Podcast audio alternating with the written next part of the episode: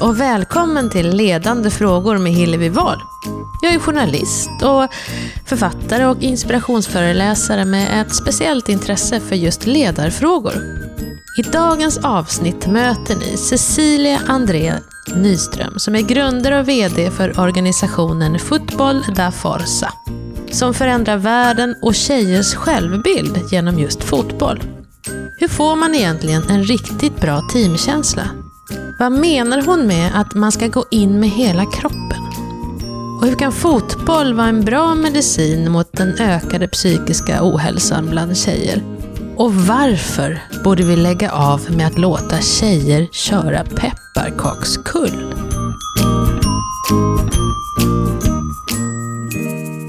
Jag tror, jag har ju själv blivit en teamplayer eh, för att jag har spelat fotboll själv. Eh, så det är inte en slump att jag idag använder fotboll som verktyg.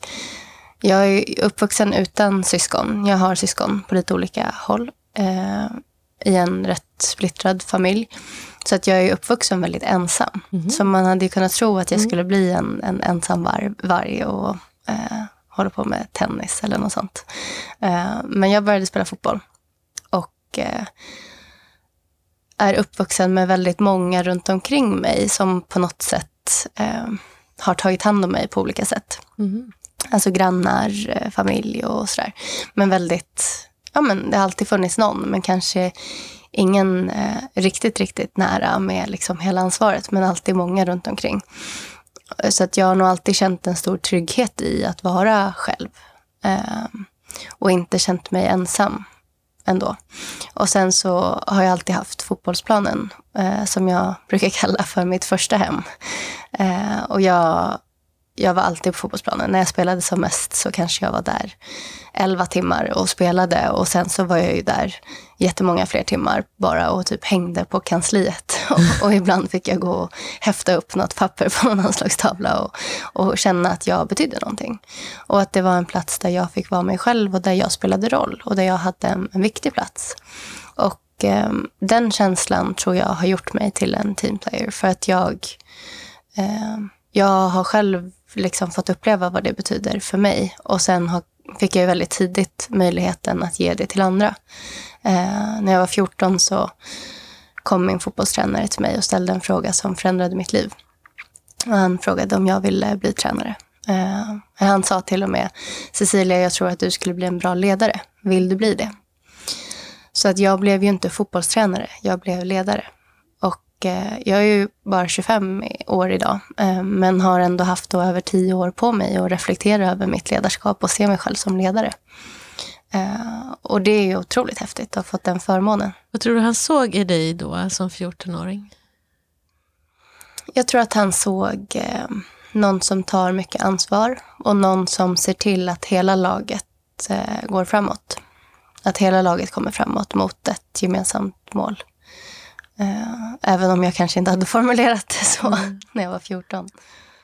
Vad häftigt. Och sen blev det ju då... Ja, jag blev tränare och mm. i och med att fotbollen hade varit en så trygg plats för mig så blev det väldigt naturligt att försöka, försöka skapa liksom samma plats för de tjejerna jag började träna. Så att jag började men, se var de kom ifrån, vad de tog med sig till planen och kanske ännu viktigare, liksom, vad vill de sen? Vad vill de i livet? Och vad kan jag göra för att de ska ta det där första steget på vägen mot sina drömmar. Och, Men pratar vi i Sverige nu? Eller? Ja, ja det, var i Sverige. Ja. Och jag tänkte att det enda jag kan göra egentligen, det är ju att få dem att tro att det där första steget är möjligt. Att de tror på sig själva. Eh, så att jag började jobba med självkänsla och självförtroende, även om jag inte eh, visste det då. Hur eh, gjorde du då? Jag intresserade mig för dem som individer, eh, ville lära mig om dem, lära känna dem, var nyfiken på vad de tänkte och tyckte och gav dem väldigt mycket utrymme. Eh, och också uppgifter, alltså så att de fick växa med ansvar och känna sig betydelsefulla som jag hade gjort. Eh, och jag hade ju inte någon liksom, uttalad strategi utan jag tog det jag hade tyckt funkade eh, för mig och fortsatte med det. Och sen märkte jag att vissa saker kanske inte funkade och då måste jag göra på ett annat sätt. Och vissa saker eh, hade jag inte behövt men de här behövde och, och så vidare. Så det var en trial and error grej och, och, inte heller särskilt, alltså absolut medveten. Men kanske inte, som jag sa, jag hade nog inte formulerat mig så här när jag var 14. Eh, men det som hände då var att dels att tjejerna blev mycket bättre i fotboll. Mm. Så jag fick mycket bättre fotbollsspelare. Mm. Och sen så eh, framför allt så växte de och sträckte på sig och började ta plats och, och stå upp för sig själva och för varandra. Även utanför planen. Och det var då jag tänkte att om det funkar så bra här i Sverige, då borde ju det funka ännu bättre eller effekten borde bli ännu större någonstans där förutsättningarna är sämre. Och då fick min mamma några år senare jobb i Mosambik som är ett av världens fattigaste länder. Så helt klart andra förutsättningar. Eh, och då tänkte jag att ja, men, då kan jag åka med och testa helt enkelt och se om det funkar. Om min hypotes stämmer i praktiken. Så då hade du ändå en idé när du åkte dit. Eh, men sen gick det väldigt snabbt att bli fotbollstränare. För det, hur var det? jag eh, kunde inte prata portugisiska, vilket man pratar i Mosambik. Och eh, jag använde mig av Google Translate eh, för att ta mig runt och träffade en damlandslagsspelare, Sara Jakob Simon. Och eh, försökte berätta då för henne om att jag ville träna ett eh, tjejfotbollslag och testa den här eh, hypotesen. Och, eh, hon tog med mig ut till en tjejfotbollsträning som jag trodde att jag skulle titta på. Eh, men när jag stod där och ingenting hände och alla bara tittade på mig så här förväntansfullt så insåg jag att jag hade ju inte tackat ja till att komma och titta utan det var jag som var tränaren. Jag hade bara inte förstått att det var det jag tackade ja till. Eh, och jag skulle ju med samma bil tillbaka så jag hade inte så, så mycket val. Jag fick ju sätta igång en träning. Liksom. Och eh, blev tränare för det laget. Och samma sak hände där som hade hänt i Sverige. Och min hypotes stämde. Det, det, fick större effekt snabbare. Och tjejerna gick ifrån att kanske mer ha fyllt en funktion till att bli en person, en, en, en individ i en, en grupp eh, med en stor känsla av gemenskap och tillhörighet och där alla spelade en viktig roll för att vi skulle nå ett gemensamt mål. Mm. Um, Men från och, början så var det ju ganska olikt. Du sa att du hoppade omkring kycklingar och grejer ja, absolut. och skräp och det på fotbollsplanen. Ja, och, och framförallt så är det en annan tidsuppfattning. Så mm vi började träningarna då klockan fyra och då började de vid fem och halv sex. Och, och, så här, och det visste alla, liksom, utom jag som var svensk och tyckte att då börjar man ju fyra om man har sagt fyra. Eh, så det var ju mycket sånt i början som var helt annorlunda. Och framförallt var ju jag väldigt annorlunda. Eh, som vit, blond, ung tjej eh, från Sverige. Och eh, det gjorde att det väckte väldigt mycket uppmärksamhet och, och framförallt att vi blev bättre i fotboll, som ju också hände i Mosambik. Eh, de blev ju bättre fotbollsspelare. Och det skapade väldigt mycket uppståndelse och andra fotbollstränare kom med buss lång väg. Vi började få publik liksom, på träningarna. Och, eh, och de här tränarna som kom, de ville ju veta varför vi helt plötsligt var så bra i fotboll. Och de blev jättebesvikna. Eh, för de trodde ju att jag hade med mig så häftiga europeiska fotbollsövningar. Och där stod jag och gjorde kvadraten, så här, precis, precis som alla andra. Och eh, när den liksom, besvikelsen hade lagt sig eh, och de förstod att det kanske inte alls handlade om övningarna utan det kanske handlade om eh, mitt förhållningssätt, mitt ledarskap och själva syftet till att jag var på planen. Eh, att det var det som var annorlunda. Då mötte jag ett jättestort engagemang hos dem att utvecklas för att kunna ja, men, eh, dels få bättre fotbollsspelare men framförallt stärka sina tjejer även utanför planen. Jag vet att Pia Sundhage tror jag leder med frågor säger hon. Alltså vad, vill, vad vill du ska hända? Eller vad mm. vill du ska hända? Och sen och hur, vad behöver du för hjälp att ta dig dit? Mm. Hur gör du då när du möter människor? Ja, för att fortsätta, samma fotbollstränare då, de här som blev så besvikna och sen insåg att så här, ja, men det kanske ligger något i det där. Eh, de berättade om vilka utmaningar som de stod inför. Eh, så jag frågade helt enkelt, liksom, vad, vilket problem mm. ser ni? Och de, någon sa till exempel, att min bästa spelare blev gravid när hon var 13. Så hon är inte min bästa spelare längre. Vi gör inte lika många mål, vi vinner inte lika många matcher. Uh, och det är helt klart ett problem för en fotbollstränare. Uh, men framförallt är det ju en enorm samhällsutmaning. Uh, men på något sätt nedkokat i formatet, hur vinner vi nästa match på lördag? Och jag har aldrig hört någon prata om ja, men, mål som vi brukar sätta upp i så här, ja, men, Agenda 2030. Liksom, eh, eh, globala utvecklingsmålen och så vidare. Det handlar alltid om att det är enorma samhällsutmaningar som kommer ta oövervinneligt lång tid och, och, och liksom förändra och sådär. Och så kom de här tränarna och pratade om att ja, men vi måste fixa det här till på lördag för att jag måste ha en startelva. Eh, Och den angelägenhetsgraden hade jag aldrig hört någon prata om de här sakerna med. Och det blev liksom startskottet till Fotboll da Forza. Så man kan ju säga att, att jag gjorde vad Pia Sundhage gör då. Att, att vi fråg, jag och, och Sara, den här damlandslagsspelaren som tog med mig mm. till den här första fotbollsträningen, hon hängde på hela vägen och vi startade Fotboll da Forza tillsammans. Och vi frågade helt enkelt de här tränarna, vad, vad är era utmaningar? Och hur kan ni lösa dem? Eh, och svaret på den frågan blev vad som sen blev Fotboll da Forza och så jobbar vi fortfarande idag. Så att vad Fotboll da Forza är och att vi utbildar och stärker tränare och ledare som i sin tur stärker tjejer och också förändrar strukturer i samhället som idag begränsar tjejer. Um, och då inte bara tjejers rättigheter utan också tjejers möjligheter. Um, det utgår fortfarande ifrån vad tycker och tänker ledare eh, att vi behöver. Vilka utmaningar ställs de inför på fotbollsplanen eller i samhället? Eh, vi involverar tjejerna i att designa programmen. Så vad är det för utmaningar vi har? Hur mår ni? Vad är det ni behöver? Och hur kan vi liksom möta det behovet? Så att både i hur vi coachar våra ledare och i hur vi tränar våra ledare att coacha tjejer genom att ställa frågor och hela tiden låta tjejerna utveckla sig själva.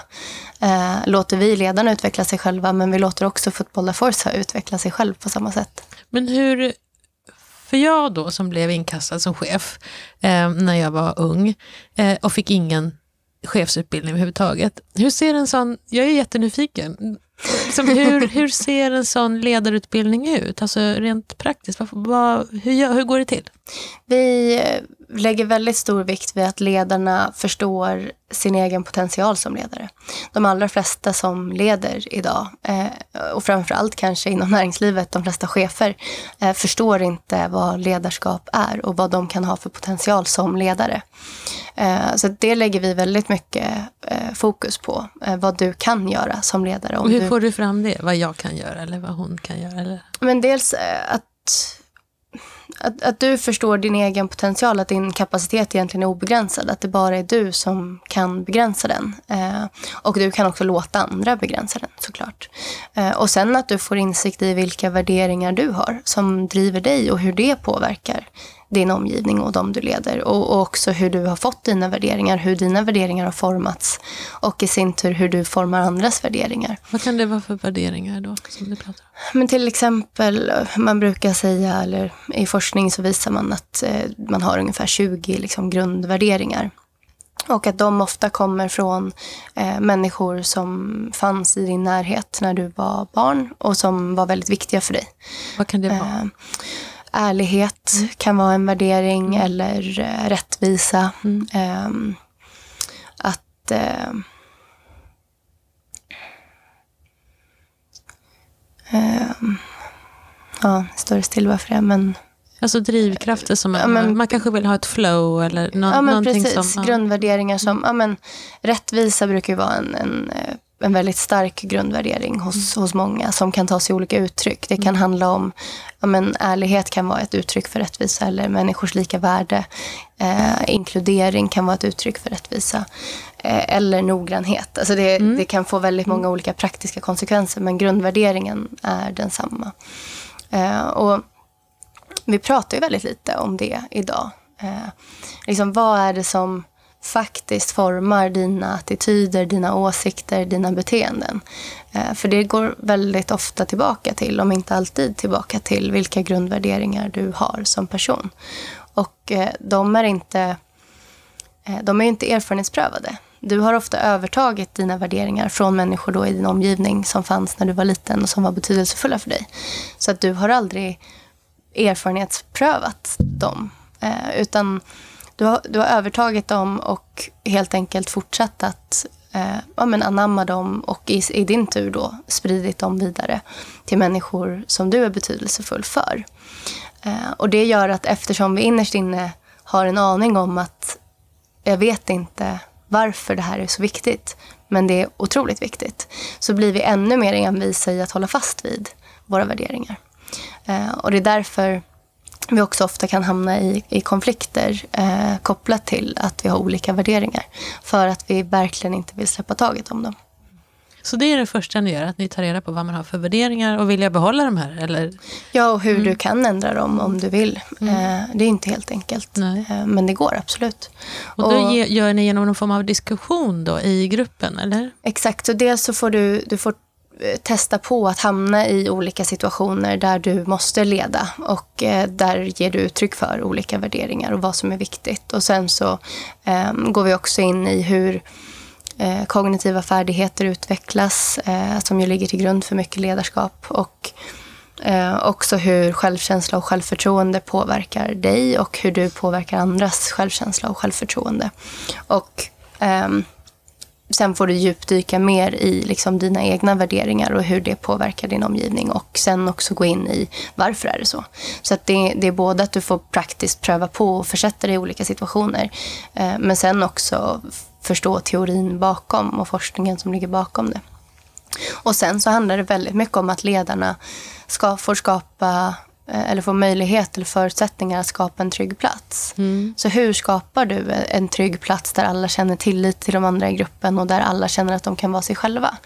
För att annars kan du inte öppna upp för samtal kring rättigheter eller sexualitet eller um, ja, de frågor som vi, vi jobbar med. Eh, och hur gör man det? Hur skapar dina ledare en trygg plats? Dels genom att eh, för det första jobba med sig själva. Alltså så att du är trygg mm. i din roll som ledare. Och sen att genom dels olika praktiska övningar, eh, som hur du öppnar träningen. Eh, du kan redan där bestämma om du vill att träningen ska vara en trygg plats eller inte beroende på hur du inleder träningen. Eh, om du inleder med en samling där alla i, i laget får möjlighet att sätta sig ner och se varandra och checka in, som vi kallar det att alla i laget får till exempel svara på frågan vad är viktigt i ett lag? Eller hur känner du dig idag? Eller vilken värdering är viktig för dig? Eh, det gör att laget eh, får en större tillit till varandra. Att du som individ känner att du kan vara dig själv fullt ut. Och det i slutändan gör också att laget presterar bättre rent sportsligt. Så det finns ju också en eh, vi håller inte på med någon gullig fotboll utan vi ska ju mm. vinna matcher precis som alla andra. Eh, men det till exempel, det är en otroligt enkel teknik. Men om du gör det i början och slutet av varenda träning, då skapar du en helt annan plats än en träning som bara börjar utan någon särskild början. Och där det bara handlar om att prestera många gånger, eller man tror Exakt. det i alla fall när man kommer dit. Um, men nu har det, det har vuxit ganska stort. Eh, många tusen i, där nere och sen så har du ju även kommit till Sverige. Mm. Vi, har, vi finns i fyra länder idag. Mosambik, Zambia, Sverige och Finland. Mm. Vi är runt 20 personer som jobbar heltid, några praktikanter. Och har över 500 ideella ledare i de här fyra länderna och 6 000 tjejer varje vecka. Det är ju helt makalöst bra. Alltså. Men då, då, och vi har 18 länder på väntlista. Är det sant? Ja. Som vill? Och, ja, som vill vara en del av, av vår verksamhet. Vi har över 200 ledare på väntlista i de befintliga länderna. Och sen har vi då 18 nya länder som vill komma med. Och vi tror inte att eh, vi tror inte att det bästa sättet för oss att växa på är att starta i 18 länder till och ännu fler. Utan vi tror att vi behöver hitta ett sätt att ledare, oavsett var i världen du är, oavsett digitala förutsättningar, kan ta del av vår ledarskapsutbildning och handledning eh, ändå. Mm. Eh, online och på något sätt tillgängligt så att det inte spelar någon roll vilka digitala förutsättningar du har. Eh, i och med att vi fyller fem år i år så vill vi ge oss det i eh, femårspresent. Så förhoppningsvis i år så startar vi upp eh, åtminstone på alla kontinenter. Gud vad häftigt. Mm. Men du, hur gör man då för att hålla den här, kvar den här känslan? Alltså för det är en sak att leda människor när man har dem i samma rum, man har ögonkontakt, man kanske kan ta på dem mm. fysiskt. Mm. Men när man är över hela världen eller över hela Sverige, eller, alltså hur håller man kvar så att alla vet vilken känsla det ska vara? Att alla håller det här som är fotboll och Forza till exempel. Hur gör du? Eh, vi vet ju inte det. Nej. Eh, men vi testar oss fram. Och eh, jag skulle säga dels två saker som jag upplever som väldigt starka bevis på att det verkligen går. Det är ju att liksom om man tittar på vad är en struktur? Om vi jobbar med strukturell förändring Eh, så är ju strukturen bara summan av alla individer i, i, som förändras. Mm. Och om man då ser alla våra ledare som en, en individ i vår strukturella förändring eh, så handlar det ju om, oavsett om det är tre ledare eller 300 eller 3000 eller 300 000, eh, så handlar det fortfarande om individen. Eh, sen så måste du skala upp det på ett helt annat sätt. Men eh, idag så kan vi ju handleda över 500 ledare eh, och vi är, ja då, det är 18 personer som jobbar operativt med det. Eh, hur gör ni när ni handleder då? Alltså, träffar ni dem regelbundet eller hur funkar det? Eh, det beror på ledaren. Eh, antingen så träffas de fysiskt eller digitalt. Pratar på telefon, Skype, lite olika. I Sverige har vi också ett Facebook-nätverk där alla ledare kan också utbyta erfarenheter och stärka varandra och utveckla varandra. I Mosambik och Zambia kör vi samma sak men i WhatsApp-grupper. Och på vissa mer rurala platser där inte internet finns har vi sms-grupper. Eh, och eh, det är ju jättehäftigt att se hur, hur det verkligen funkar. Och det, det finns också forskning på det att om du eh, eh, om du får någonting, låt säga att du får en komplimang mm. eller feedback sagt till dig. eller om du läser den så triggas samma reaktion i hjärnan. Mm. Alltså så om jag säger någonting till dig och sen om jag smsar det till dig eller skriver på en chatt så får du exakt samma eh, reaktion, eh, fysiska reaktion i hjärnan. Så det gör ju också att det faktiskt funkar. Eh, att vi kan coacha ledare på distans eller fysiskt. Men även de som har den absolut mest tillgängliga fysiska kontakten för att de bor så här, jättenära vårt kontor eller vad det nu kan vara. Eh, de använder det sällan för att idag sker det mesta ändå eh, digitalt. Eh, och särskilt unga ledare idag är vana vid att mm. eh, de har de flesta av sina kontakter på sociala medier. Och, och varför inte vara där då? Nej, vi behöver ju vara där unga är. Absolut, det är ju jätteintressant. Men du, är ni bra på det då, att ge varandra komplimanger och ge varandra bra feedback? Är, är det någon del av er kultur att göra just Absolut. det? Absolut. Mm. Och eh, det var det jag skulle säga. Alltså, en annan anledning till att jag är helt övertygad om att det funkar att behålla samma värderingar och, och grundfilosofi eh, och förhållningssätt oavsett hur stora vi blir. Eh, även om det såklart, det blir ju eh, ju fler personer involverade desto svårare blir det ju att hålla en linje. Men det beror ju på om man vill, om man ser det som eh, positivt att hålla en linje. Varför skulle det på något sätt vara bättre? Eh, vi vill ju snarare ha en jättestor rörelse och den kan man ju inte styra och vi vill inte styra den. Däremot om den eh, är grundad i samma värderingar som Fotboll da Forza så har vi full tillit till att den alltid kommer leda rätt. Mm. Sen vet inte vi vad rätt är. Men något som var väldigt intressant för oss, eh, som också ger oss verkligen det förtroendet för oss själva. Det är att vi, vi som du sa, vi började ju väldigt, vi växte väldigt fort. Och eh, ja, men från 2012 till eh, 2015 så hade vi startat i fyra länder och blivit 20 heltidsanställda och ja, eh, runt 500 ideella. Och 400 var det väl då. Men, eh, och vi insåg att det har ju funkat jättebra hittills. Och vi är superalignade liksom med varandra och vad vi vill och vår vision. Men vad händer med de här 18 länderna då vi har på mm. väntlista? Hur, hur kan vi se till att de också har samma värderingar och vilka värderingar är det vi har egentligen? Så då träffades vi faktiskt för första gången eh, nästan alla medarbetare från alla länder. Och eh, innan vi träffades så fick alla länder göra en egen process där man tog fram vilka värderingar vi har, vilken vision vi har och hur vi ska ta oss dit. Och eh, det skedde parallellt då i tre länder på tre olika språk utan att de var medvetna om att de andra länderna gjorde samma process samtidigt. Och eh, även om det var på tre olika språk så var det i princip ordagrant samma värderingar som medarbetare i de här tre länderna kom fram till. Och då var det vissa av de här som aldrig hade träffats över landsgränserna. Och vilka var det då? Vilka värderingar pratar de om? Eh, det är dels eh, alla människors lika värde, rättigheter och potential. Eh, vi tror inte bara att alla människor har lika värde och lika rättigheter utan vi är helt övertygade om att alla har en, en inneboende potential som kan bli exakt så häftig som den personen vill att den ska bli. Om de bara får förutsättningar för det. Um, målmedvetet mod. Vad är det? Vi vet var vi är på väg och, eller vi vet var vi vill och vi är på väg dit. Eh, vi är extremt målmedvetna och modiga i att vi vågar ta första steget och fortsätter gå. Um, många säger ju till exempel, när vi säger att vi vill förändra världen, så säger många att vi är naiva. Uh, och vi är helt övertygade om att vi bara har en väldigt bra strategi. och sen uh, har vi transparent medskapande.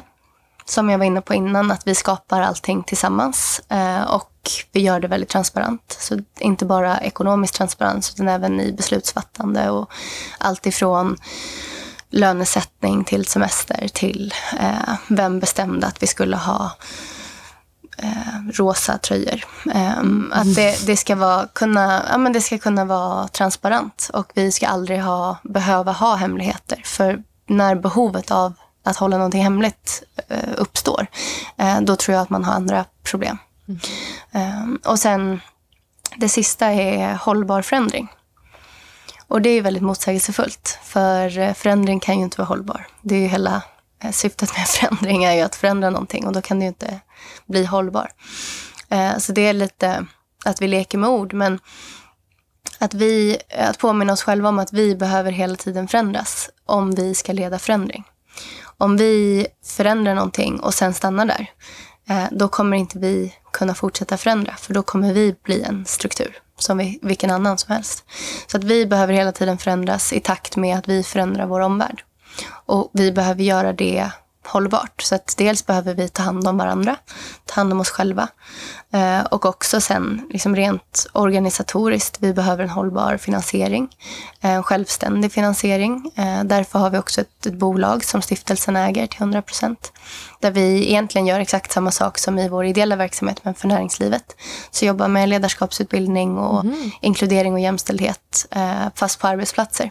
Är det här i Sverige? Eller? Ja, exakt. Och Eh, Eh, det står idag för ungefär hälften av vår globala omsättning. Eh, så samtidigt ger det oss en, en helt ny arena att påverka samhällsstrukturer på. Samtidigt som det finansierar vår ideella verksamhet så att vi inte behöver förhålla oss till någon annans agenda. Men ger ni exempel från fotbollen då? När ni, så, har ni det som bildspråk då? Att ni pratar eh, ibland faktiskt. Mm. Det funkar väldigt bra. Mm. Vi, vi, vi, tar egentligen bort fotboll helt och hållet när vi jobbar i näringslivet eller med offentlig sektor. Eh, men ibland så är det nästan som att vi behöver mm. plocka in fotbollen för att det är ett så tacksamt exempel. Eh, och sen, jag menar, det är inte en slump att vi jobbar med fotboll. Eh, det är bara att räkna hur många vill prata om tjejers rättigheter och hur många vill prata om fotboll. Eh, betydligt fler vill prata om fotboll. Ja, det är en liten bakväg säger du. Jag har kommit in, för fotbollen går rakt in i människors hjärtan och då, kan man, då öppnar man hjärtan, en liten bakväg där och sen ja, men, kan man prata om... Exakt, det går rakt in i hjärtan och det mm. går rakt in i styrelserum. Mm. Häftigt. Du, du, jag såg att du hade ett slags pepputtryck där som var att man ska gå in med kroppen, eller in med hela kroppen. Eller hur? Mm. hur? Ja, det både när jag, jag tränar ju fortfarande tjejer själv i fotboll och um, det är många som, som pratar om tjejfotboll och tycker att tjejfotboll är sämre än killfotboll, varför man nu skulle jämföra. Men, eh, och som tycker att tjejfotboll liksom inte är riktig fotboll och så. Men om man tittar då också på eh, tjejfotbollsträning eh, så är det ju ganska vanligt att se till exempel att tjejer leker pepparkakskull eller något annat. Och det är klart att du inte får bra fotbollsspelare om du leker pepparkakskull. Eh, då får du ju tjejer som är bra på pepparkakskull. Du får inte tjejer som är bra på fotboll. Eh, och det är en väldigt stor skillnad. Om man tittar på hur pojkar tränas och om man tittar på hur flickor tränas så får pojkar spela fotboll i betydligt större utsträckning och tjejer får leka i betydligt större utsträckning. Ofta för att som tränare har du någon sorts idé om att tjejer vill leka och inte vill spela fotboll som är helt taget ur luften. Eh, vi socialiserar ju in tjejer i det genom, det att, genom att bara ge dem lek och inte fotboll. Eh, så att jag kör bara fotboll på mina fotbollsträningar. Eh, innovativt va? Men, eh, ja. Det här med att gå in med hela kroppen. Ja, men och då, då är en viktig aspekt av det är ju att, att använda hela kroppen när du spelar fotboll. Många står ju bara och petar med tårna. Och eh, då kommer du aldrig komma någon vart på fotbollsplanen. Så dels både i liksom anfall och försvarsspel så behöver du kunna använda hela kroppen. Och eh, ja, men, försvara bollen med hela kroppen och också dribbla med hela kroppen. Eh, och att gå in med kropp eh, det är ju rent fotbollstekniskt viktigt. Eh, men för mig också en, en otrolig metafor för att ta plats. Och att eh, om tjejer lär sig att gå in med kropp på fotbollsplanen så kommer de också gå in mer helhjärtat och ta mer plats även i andra forum för att de är inte rädda för det. Och jag tror att vi, um, vi väldigt tidigt socialiserar in tjejer i att vara försiktiga och rädda och uh, inte göra så mycket ifrån sig. Inte göra så mycket ljud ifrån sig, inte synas så mycket och så vidare. Och fortfarande. Um, och uh, även om många säger att ja, men här i Sverige har vi inga problem för att vi är världens mest jämställda land och, och så vidare. och Så vidare. Så eh, skulle jag säga att ett, ett jättestort problem idag och en anledning till att en av tre tjejer idag lever med psykisk ohälsa i Sverige eh, det är att vi har kvar väldigt många traditionella strukturer. Att vi förväntar oss att tjejer ska hjälpa till hemma, vara duktiga, ha bra betyg, vara snälla och tysta och, och försiktiga och försynta. Och, Eh, samtidigt som de ska ta plats och, och eh, vara kaxiga och sexiga och, och snygga och, eh, och gärna gå ner i vikt hela tiden. Och, och det är så himla mycket budskap vi ger unga tjejer där vi kräver att de ska vara jättetraditionella och jättemoderna eh, eller progressiva samtidigt. Ehm, och det skapar ju jättemycket förvirring och att du inte vet vad som förväntas av dig. Och vad vi försöker ge unga tjejer är ju också eh, att de kan skita fullständigt i vad som förväntas av dem. För det är bara vad de själva förväntar sig av sig själv, av sig själv som spelar roll. Um, och för att kunna ge tjejer det så behöver du också tro på dig själv och kunna ta plats, även om du inte får den. Och därför gillar jag att köra övningar eh, på fotbollsplanen som handlar om att gå in med kropp, för att det på något sätt blir en metafor för så mycket annat. Verkligen. Och jag tyckte det var så sympatiskt. Jag såg eh, i några förorter så kan man komma i jeans och barfota. Alltså, och det har ju inte jag sett någon annanstans. För det är ju så mycket, du vet, man, det är bara 03 och får bara spela med 03 och det ska vara så exakt och man ska ha exakta kläder och sånt. Så hur, hur funkar det då? Går det att spela fotboll i, i jeans och barfota? Absolut. Mm. Eh, jag brukar själv ha, ha jeans och jag har inte heller några skor. så mina skor ges alltid bort på något sätt till någon. Eh, men men, så jag har slutat eh, köpa. Eh, jag får ändå ta kvar dem. men eh, absolut. Och sen å, å, ena sidan har det varit, eh, tror jag, skulle ändå kunna kalla det revolutionerande i Sverige. Eh, men vad vi har gjort är ju att se, när vi startade upp i Sverige eh, så hade vi helt andra förutsättningar än när vi startade i Mosambik och Zambia.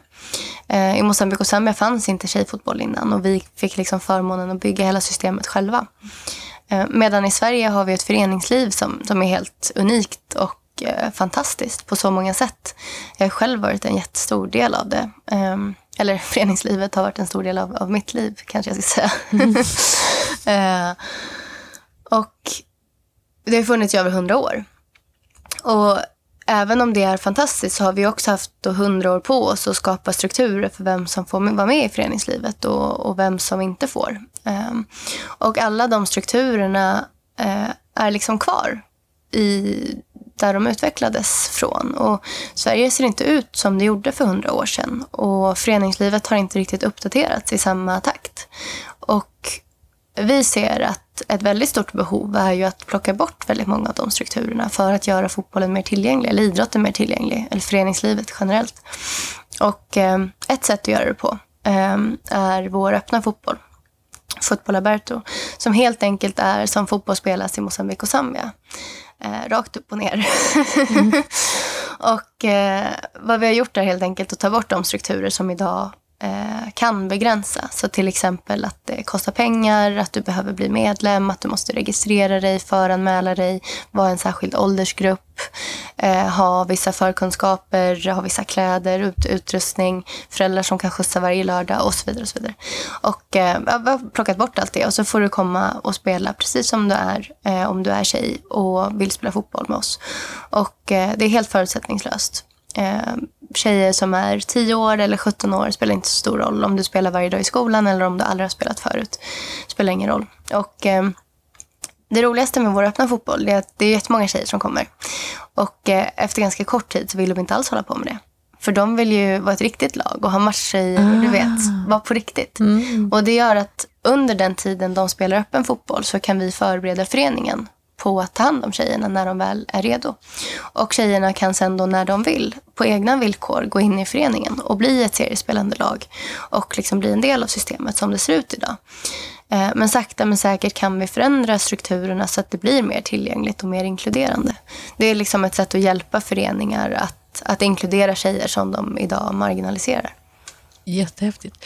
Du, och det handlar ju lika mycket om vad jag säger, det att, att till exempel en tjej som är utlandsfödd eller utlandsfödda föräldrar och inte har en tradition av föreningsliv. Och lika mycket ja, men, Lisa Svensson som eh, kanske är 14 år och aldrig har spelat fotboll mm. förut. Och då är hon för dålig mm. för att börja i en förening. Så det är liksom en sån otroligt bred målgrupp eh, som vår öppna fotboll riktar sig till.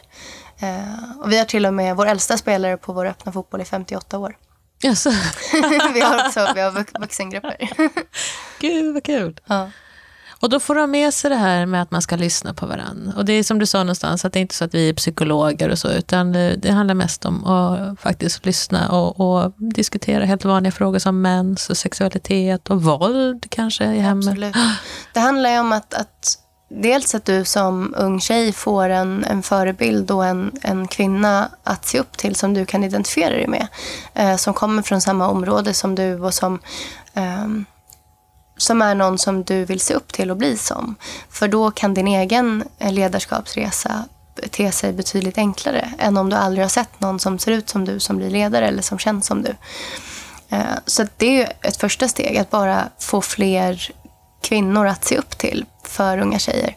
Men sen också kvinnor som faktiskt eh, kan och vill ha samtal om frågor som uppstår i tonåren eller ja, i livet. Mm. Kring sexualitet, relationer, vänskap, våld. Eh, hur vi mår och hur livet ska vara eller hur vi vill att det ska vara. Eh, hur vi kan omvandla våra drömmar till mål och faktiskt uppnå dem. Och, eh, det finns ju så otroligt många frågor som eh, tjejer och killar eh, inte vet vart de ska ställa. Och att, att kunna ha en trygg plats som är regelbunden och där du vet att min ledare finns där och hon lyssnar på mig, hon bryr sig om mig och hon vet också. Mm. Eh, jag kan fråga henne saker och när hon inte vet då kan hon googla eller hon vet vem jag ska fråga. Mm. Eh, och någon som jag litar på och som, som jag vet kommer finnas där oavsett vad det är jag frågar. Eh, och sen liksom, med all respekt för att våra ledare också är fotbollstränare. De är inte psykologer, kuratorer, socialarbetare och så vidare. Eh, men vi har kontakter med de instanserna så att man kan skicka ärenden vidare. Men vad de instanserna ofta inte har tid med är ju att faktiskt lyssna. Mm. Och bara finnas där. Och inte komma med goda råd och inte ha lösningar. Utan bara finnas där och lyssna tills du inte behövs längre. Och det är vad våra ledare gör. Jättebra.